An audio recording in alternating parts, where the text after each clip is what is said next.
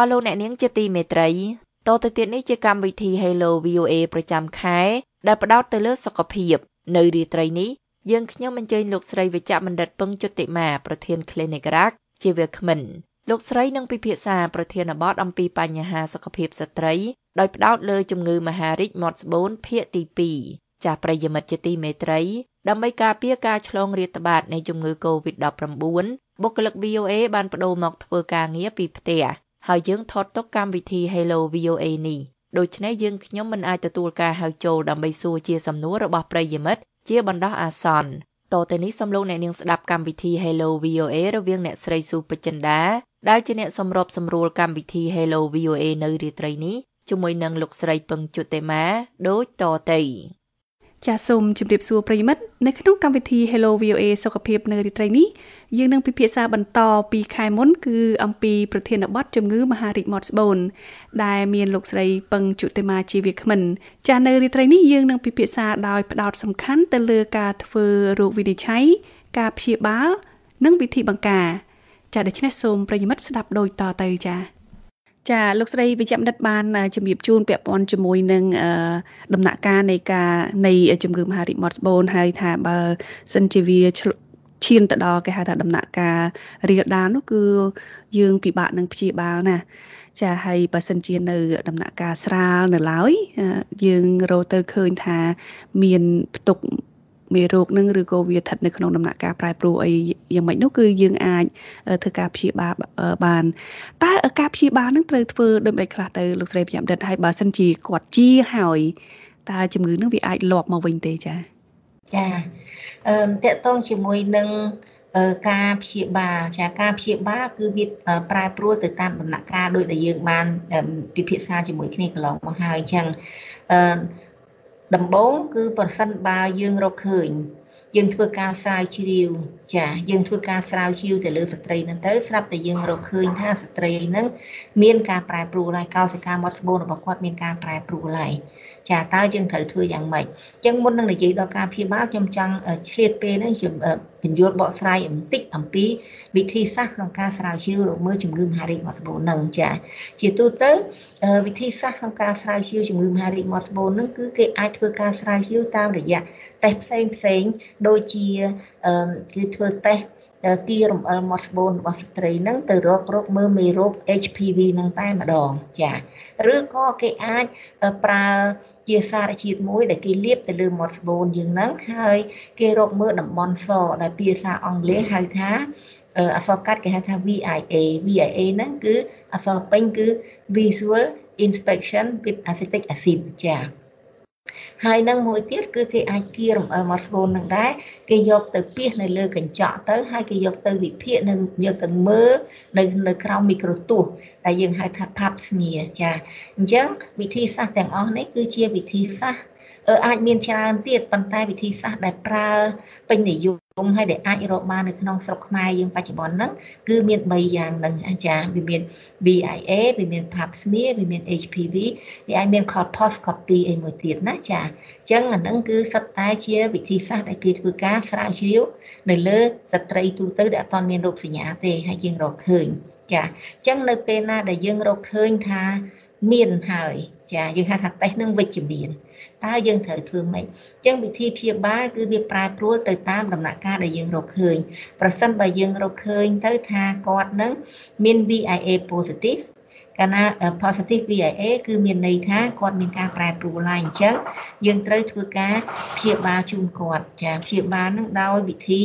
អាចជាវិធីភាសាខ្មែរហៅថាវិធីស្អំត្រជាក់ចាស្អំត្រជាក់យើងហៅថា cryotherapy ចាយើងអាចប្រើដោយវិធីស្អំត្រជាក់នឹងក៏បានយើងអាចប្រើដោយវិធីស្អំក្តៅ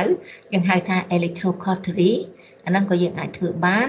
ចាឬក៏យើងអាចធ្វើវិធីដែលកាន់តែទំនើបតែដែលវាប្រើប្រាស់ធ្វើនៅក្នុង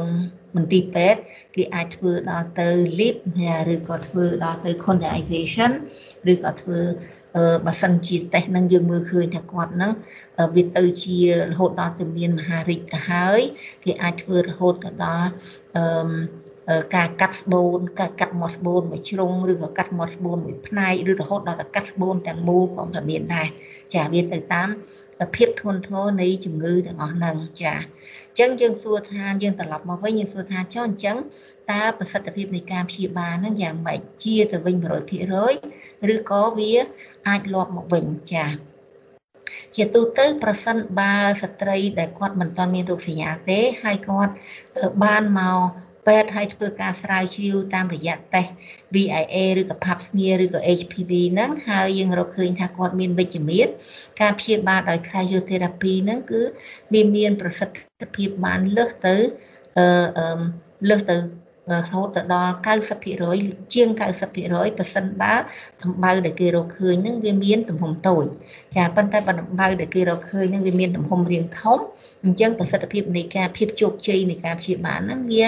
បានលើសទៅ80%ដែរចាអញ្ចឹងមានន័យថាក្រោយពីព្យាបាលទៅយើងធ្វើការតាមដានទៅគឺ80ទៅ90%ជាសះស្បើយហើយវាអាចប្រហែលជា10ទៅ20%ហ្នឹងគឺអាចនៅដដែលឬក៏វា ត្រូវធ្វើការព្យាបាលម្ដងទៀតឬក៏ព្យាបាលទៅតាមជំរឹះអីបន្តបន្តទៀតអញ្ចឹងចា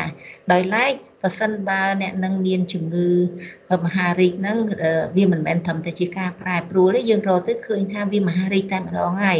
ចាមហារីកដំណាក់កាលដំបូងឬក៏មហារីកដំណាក់កាលចុងក្រោយអានឹងប្រសិទ្ធភាពនៃការព្យាបាលដូចយើងជម្រាបខាងដើមអញ្ចឹងបើសិនជា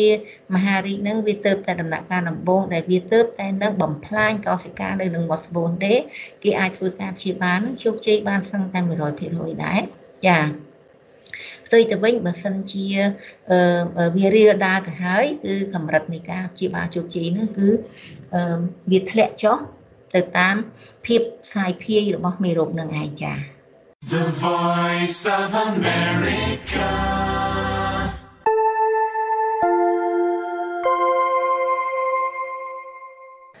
ចាលោកស្រីប្រយ័ត្នដិតដើម្បីយើងអាចបង្ការជំងឺនេះបានតើយើង ត្រូវធ្វើដូចម្ដេចខ្លះទៅ មានជាវ៉ាក់សាំងដើម្បីចាក់កុំឲ្យឆ្លងមេរោគ HPV នេះដែរឬទេហើយរបៀបរបបនៃការរស់នៅវិញតើត្រូវគួរតែត្រូវផ្លាស់ប្ដូរឲ្យមានជាការរស់នៅបែបដោយសុខភាពហ្នឹងយ៉ាងម៉េចខ្លះទៅចា៎ចា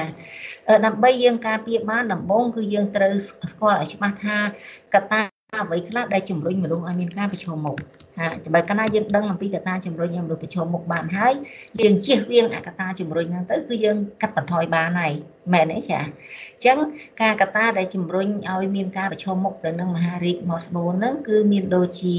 អ្នកដែលមានដៃគូរួមភេទច្រើនអ្នកដែលធ្លាប់មានជំងឺកាមរោគពីមុនអ្នកដែលឆាប់មានសកម្មភាពរួមភេទបានឲ្យគាត់គាត់ឆាប់រួមភេទណាដល់វ័យក្មេងពេកអ្នកដែលមានម្ដាយឬក៏បងស្រីមានជំងឺមហារីកចាអ្នកដែលពិសាបរិយឬក៏អ្នកដែលមានប្រព័ន្ធភាពស៊ាំចុះខ្សោយហ្នឹងអ្នកទាំងអស់ហ្នឹងគឺជាអ្នកដែលមានហានិភ័យខ្ពស់ក្នុងការកើតជំងឺមហារីកហើយអញ្ចឹងបើយើងដឹងថាយើងមានហានិភ័យខ្ពស់យើងត្រូវជៀសឲ្យបានអញ្ចឹងក្នុងហ្នឹងអ្វីដែលយើងជៀសបានទី1គឺ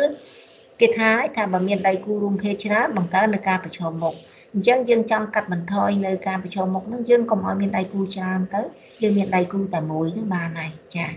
ចាអញ្ចឹងអាហ្នឹងវាជាជំរើសល្អបំផុតដែល ដែលអាចកាត់បន្ថយនៅការការឆ្លងបានបានន័យថាជាការការពារយើងការពារបានហើយការរួមភេទដែលជាមួយដៃគូតែមួយឬក៏បើសិនជាយើងមិនទាន់មានអឺមិនទាន់បានឆាប់ប្រឡូកមិនទាន់ប្រឡូកនៅក្នុងការរួមភេទទេយើងគួរគប្បីអឺកុំឆាប់ប្រឡូកនឹងរួមភេទនឹងពេកចា ហើយបើគាត់មិនអាចការពារបានក៏គាត់ត្រូវធ្វើការរួមភេទនឹងដោយសុវត្ថិភាព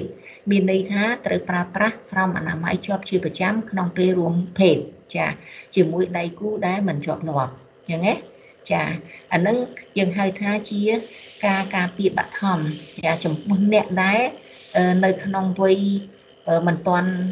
រៀបអាពាហ៍ពិពាហ៍ចាប៉ុន្តែមានការរួមភេទអញ្ចឹងគឺត្រូវធ្វើម៉េច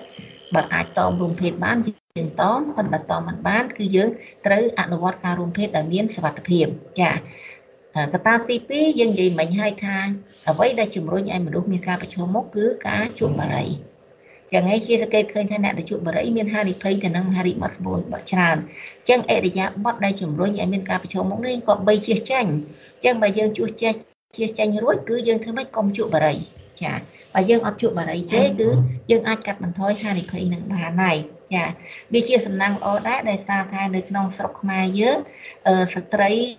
មិនសូវជាមានអ្នកជក់បរិយទេដែលវាខុសពីនៅប្រទេសលោកខាងលិចឬក៏នៅខាងអឺរ៉ុបអីហ្នឹងគឺថាស្ត្រីគាត់មានការជក់បរិយច្រើនសង្កត់ហាក់ផែបរោះប៉ុន្តែនៅក្នុងអាស៊ីយើងនៅក្នុងស្រុកខ្មែរជាពិសេសគឺអាយើងមើលឃើញថាចំនួនស្ត្រីដែលជក់បរិយនឹងគឺនៅមានកម្រិតទាបប៉ុន្តែក៏ឃើញតែចាប់ផ្ដើមមានការកើនឡើងបន្តិចម្ដងបន្តិចម្ដងទៅតាម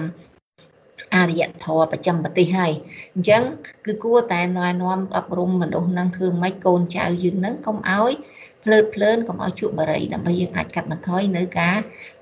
ប្រឈមមុខទៅនឹងមហារីកនឹងបានចាហើយក្រៅអំពី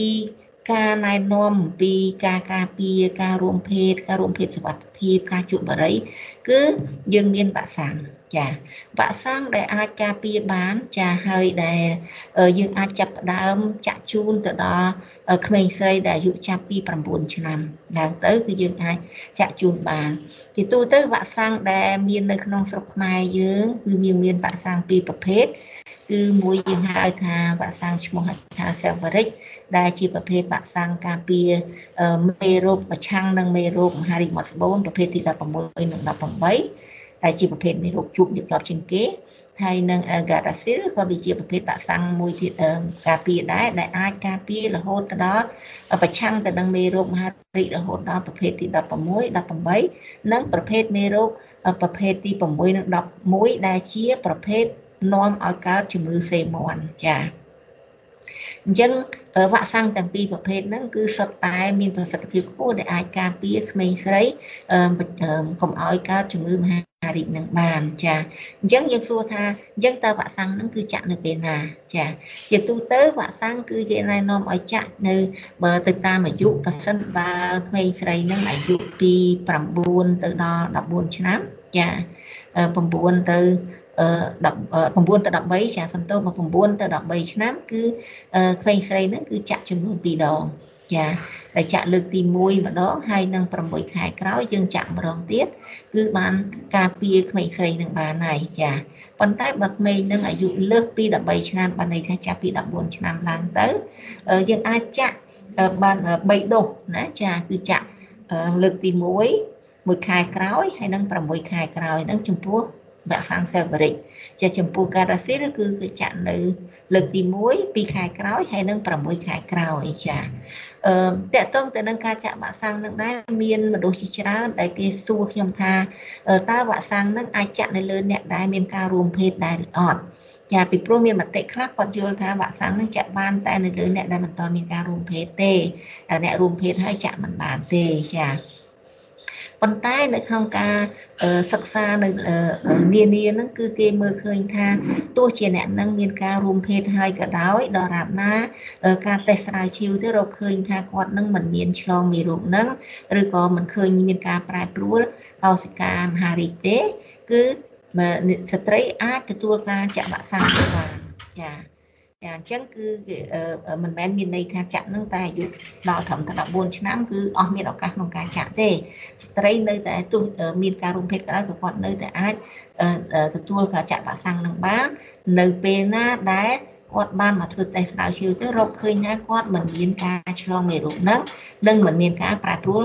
កោសិការបស់ត្បូងហ្នឹងគឺអាចចាក់បានចា៎ The Voice of America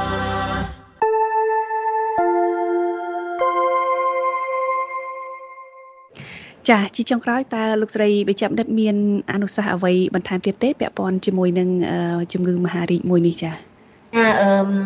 អឺខ្ញុំមានជាដំបូងគឺខ្ញុំសូមថ្លែងអំណរគុណសាជាថ្មីម្ដងទៀតហើយក៏សូមអឺជាឱកាសនេះជម្រាបជូនទៅដល់ប្រិយមិត្តទាំងអស់ចាឲ្យ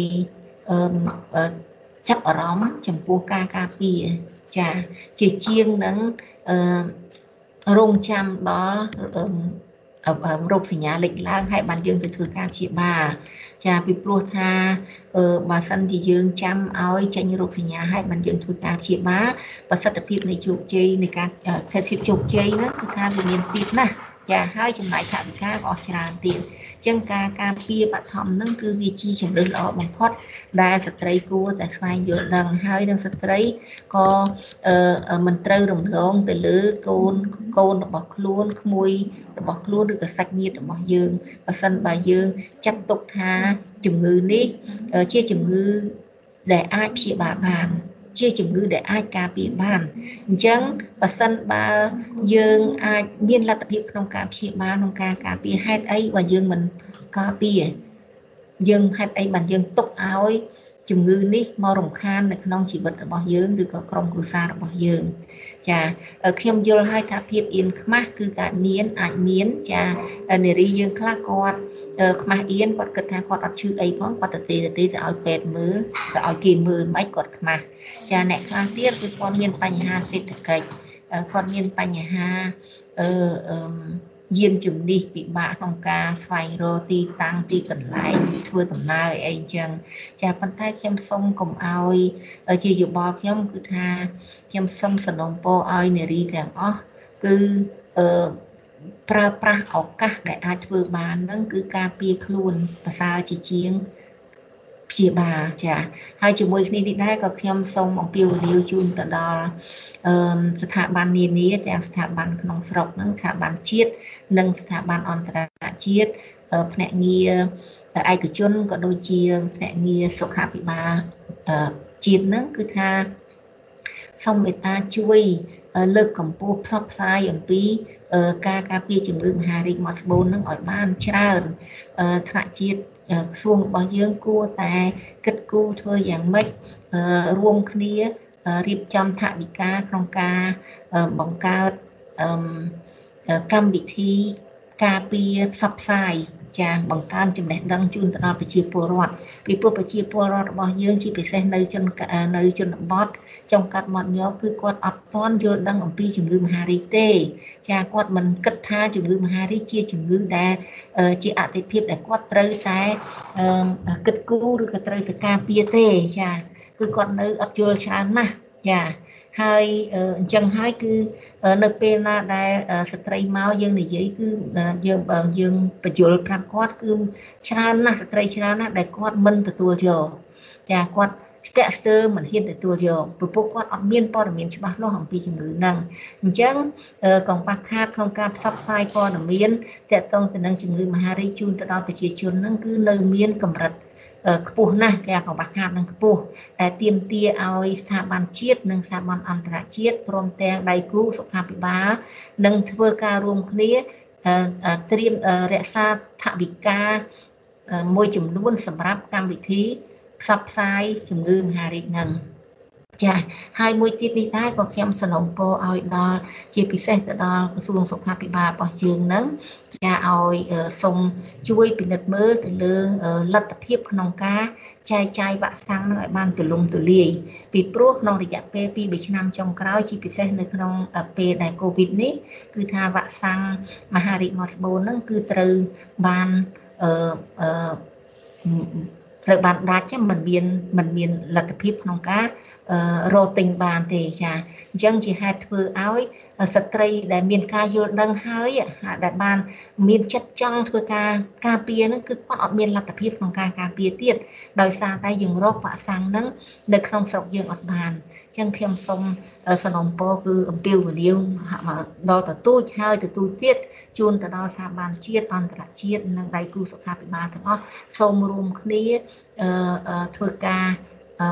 ប្រយុទ្ធប្រឆាំងទៅនឹងជំងឺមហារីកមាត់ស្បូនធ្វើយ៉ាងណាឲ្យជំងឺមហារីកមាត់ស្បូននឹងគឺកាត់បន្ថយឲ្យបានកម្រិតទាបបំផុតនៅក្នុងចំណោមប្រជាជនរបស់យើងចាខ្ញុំមានប៉ុណ្ណឹងចា ចាសសូមអរគុណច្រើនលោកស្រីវិជ្ជបណ្ឌិតចំពោះអនុសាសន៍ដ៏មានសារៈសំខាន់ទាំងនេះក៏ដូចជាព័ត៌មានពាក់ព័ន្ធជាមួយនឹងជំងឺមហារីកមាត់ស្បូនដែលលោកស្រីបានចែកជូនទៅដល់ប្រិយមិត្តរបស់យើងនៅរាត្រីនេះចាសដោយសារតែពេលវេលាមានកំណត់កម្មវិធីរបស់យើងខ្ញុំសូមបញ្ចប់តែត្រឹមនេះហើយជាថ្មីម្ដងទៀតសូមអរគុណលោកស្រីវិជ្ជបណ្ឌិតនិងសូមជម្រាបលាលោកស្រីចាចាសូមជម្រាបលាចា